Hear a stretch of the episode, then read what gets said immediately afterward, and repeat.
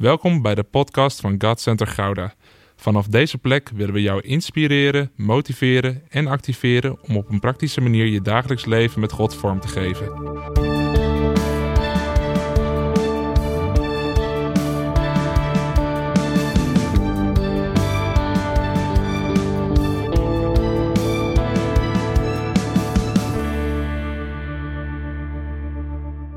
Alweer het vijfde hoofdstuk en dus ook de vijfde podcast. En wat vind ik het tof om zo met elkaar op te trekken en ik bid dat je elke keer weer geïnspireerd wordt. Vandaag wil ik met je kijken naar het verhaal dat op het eerste gezicht nogal schuurt.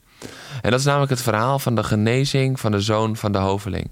En die gaan we koppelen aan die vijfde ik ben, namelijk ik ben de weg, de waarheid en het leven. En misschien vraag je je af, waarom schuurt dit verhaal? De jongen wordt toch genezen? Maar laat me je even meenemen in dit verhaal. In Johannes 4 lezen we over een man die bij Jezus komt na een lange reis. Hij is vol verwachting bij hem, want de hoveling die heeft veel over Jezus gehoord. De verhalen over de wonderen en de tekenen die gingen als een lopend vuurtje door Israël. En de zoon van de hoveling was ernstig ziek en dit was zijn laatste kans. Denk je even in dat deze man besluit om zelf naar Jezus toe te gaan. Zijn zoon ligt op sterven en hij besluit Jezus op te gaan zoeken. Cana lag ongeveer 25 kilometer van Capernaum vandaan. Dus dat was best een reis. En zeker in een tijd zonder auto's, treinen en bussen. De hoveling had veel bedienden, blijkt later in het verhaal. Maar toch stuurt hij niet de bedienden op pad. Hij gaat zelf, terwijl zijn zoon ieder moment kan sterven.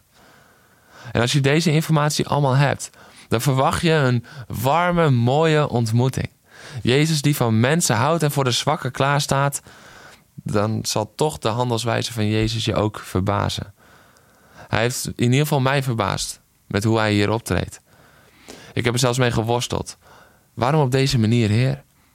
Waar, waarom zo afstandelijk? Waarom zo misschien zelfs wel koud?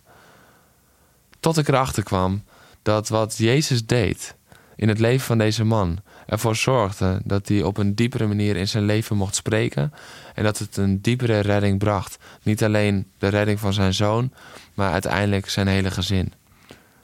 We weten niet helemaal precies hoe de hoveling aankwam, maar stel je even voor dat je die 25 kilometer hebt gelopen om Jezus mee te nemen naar jouw huis. Een tocht van 25 kilometer. Dat is een stuk meer dan de 10.000 stappen die wij per dag proberen te zetten en die vaak niet eens lukken. We verwachten dan toch minstens dat Jezus mee zal gaan. Dat hij dat geloof zal belonen. Maar nee, hij gaat niet mee. En het enige wat hij deze man geeft is een woord. Daar moet deze man het mee doen.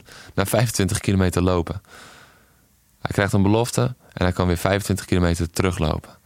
Terug naar de zoon die in kritieke toestand is achtergelaten. Ken je deze situatie? Dat je voor je gevoel van mijlenver bent gekomen om Jezus te ontmoeten. Je hebt je best gedaan en hard gewerkt. Op de blaren staan op je voeten als het ware.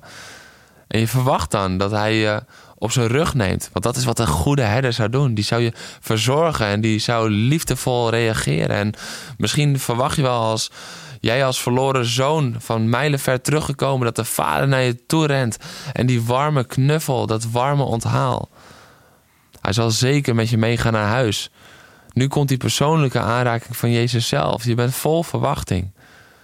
Maar in plaats van die vriendelijke stem die zegt: Ik ga met je mee, komen de woorden: Ga maar naar huis. Je zoon leeft. En dan wil ik je vragen hoe je zelf omgaat met een teleurstelling. Want natuurlijk was die hoveling teleurgesteld na deze reactie van Jezus. Hij had zoveel over hem gehoord. Prachtige verhalen over Jezus' liefde, zijn passie, zijn wonderen. En nu lijkt Jezus eigenlijk een stuk minder lief en leuk als dat de mensen hem hadden verteld. En ken je dat moment dat je even niet weet waarom God zoiets doet in je leven en dat het zo anders gaat als dat je hoop, hoopte en verwachtte?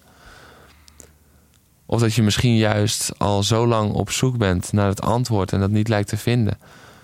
Ik wil je bemoedigen om Jezus vast te grijpen. Hij is niet onverschillig over het leven van deze man en zijn zoon. Hij verlangt ernaar om hun leven voor eeuwig leven te redden en te veranderen. En daar komt ook de koppeling naar de weg, de waarheid en het leven. Want de man gelooft de woorden van Jezus, de waarheid. En daar blijft het dan niet bij. Hij gaat op weg, de weg die Jezus hem opstuurde, de weg. En let op, want precies als hij thuis komt, dan blijkt precies op het moment dat Jezus het zei dat zijn zoon zou leven, de koorts is verdwenen en de jongen is genezen. Zijn zoon leeft, zoals Jezus had gezegd: Uw zoon leeft. Het leven, de weg, de waarheid en het leven. En soms moeten we dan op weg gaan op een woord, een belofte. Een reis van heen en terug, ongeveer 50 kilometer voor deze man. Een ontmoeting die anders was verlopen dan hij had verwacht. Maar de hoveling had de belofte van Jezus gegrepen. Hij was daarmee op weg gegaan en hij geloofde de woorden van Jezus. En ik ben ervan overtuigd dat dit verhaal een inspiratie voor ons mag zijn om in beweging te komen op het woord van Jezus. Want de man hoorde de woorden en hij geloofde ze. Ondanks dat het niet de woorden waren die hij had verwacht, hij geloofde en hij handelde er direct naar door op weg te gaan. Terug naar huis om zijn zoon weer te ontmoeten. En de vraag is: ben je bereid om te wandelen op basis van zijn woord? Want vaak verlangen we naar zijn aanraking, zijn bevestiging of een groot wonder voordat we in beweging komen. Want Jezus werkt niet alleen door een wonder dat we gelijk zien. Jezus deed het wonder wel, maar op datzelfde moment zag de man niet wat er thuis gebeurde. Want op hetzelfde moment genas zijn zoon thuis. Maar de hoveling moest wel gaan op het woord om dat te ontdekken.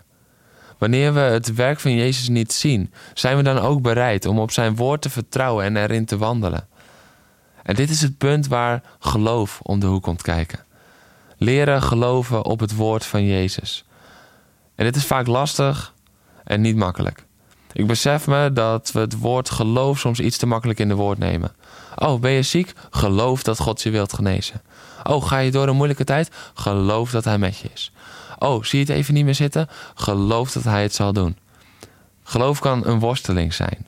Zeker omdat geloof altijd gepaard gaat met iets wat nog niet zichtbaar is.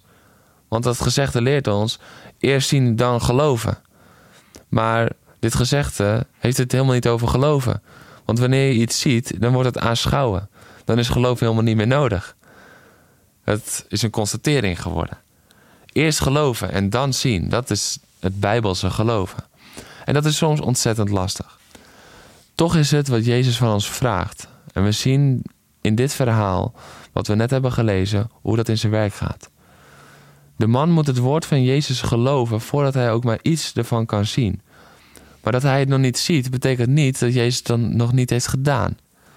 Want later zal hij tot de conclusie komen dat op het moment dat Jezus sprak: Uw zoon leeft, dat zijn zoon werd genezen en gered.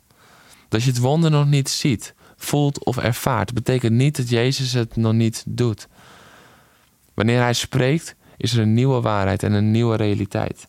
En het is aan ons de uitdaging om daarin in geloof te gaan staan. Op het moment dat we het niet voelen, niet zien, nog niet aanschouwen, maar op zijn woord. Want zijn woord schept die nieuwe realiteit. Deze man ging. Hij ging op het woord van Jezus. En het gevolg is dat niet alleen zijn zoon genezen werd, maar hij en al zijn huisgenoten kwamen tot geloof. En wanneer Jezus op afstand lijkt te blijven, is dat niet wat hij echt doet. Want wij verwachten misschien dat hij dichtbij komt op de manier zoals wij willen dat hij dichtbij komt. Maar hij kon niet dichterbij komen dan op deze manier. Ja, hij bleef fysiek op afstand. Maar daardoor werd hier een heel huishouden gered. Kwam een heel huishouden tot geloof. En dat is pas echt dichtbij komen. Maar de vraag is: durven we hem te vertrouwen als hij het op een andere manier doet dan wij verwachten? Want hij is de weg, de waarheid en het leven. Hij werkt dat in alles uit. Maar dan moeten we wel op die weg durven gaan, vol geloof, wat we nog niet zien. En ik wil je uitdagen om hier ook voor jezelf mee aan de gang te gaan. Durf je op weg te gaan, op de waarheid, wetend dat het leven brengt? Wees gezegend met deze prachtige boodschap van het hart van de Heer Jezus. En weet dat als hij soms op afstand lijkt te blijven, het is vanuit zijn hart om dichterbij dan ooit te kunnen komen. Luister ook zeker de volgende podcast weer, waar we het gaan hebben over Ik ben het brood des levens. Ik hoop je dan zeker weer te ontmoeten.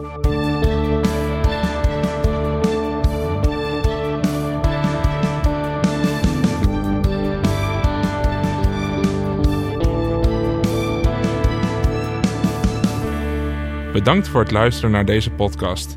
Volg ons op onze kanalen om verbonden te blijven. Heeft deze aflevering jou geraakt? Deel dan op je socials en tag ons, zodat we samen meer mensen kunnen bereiken.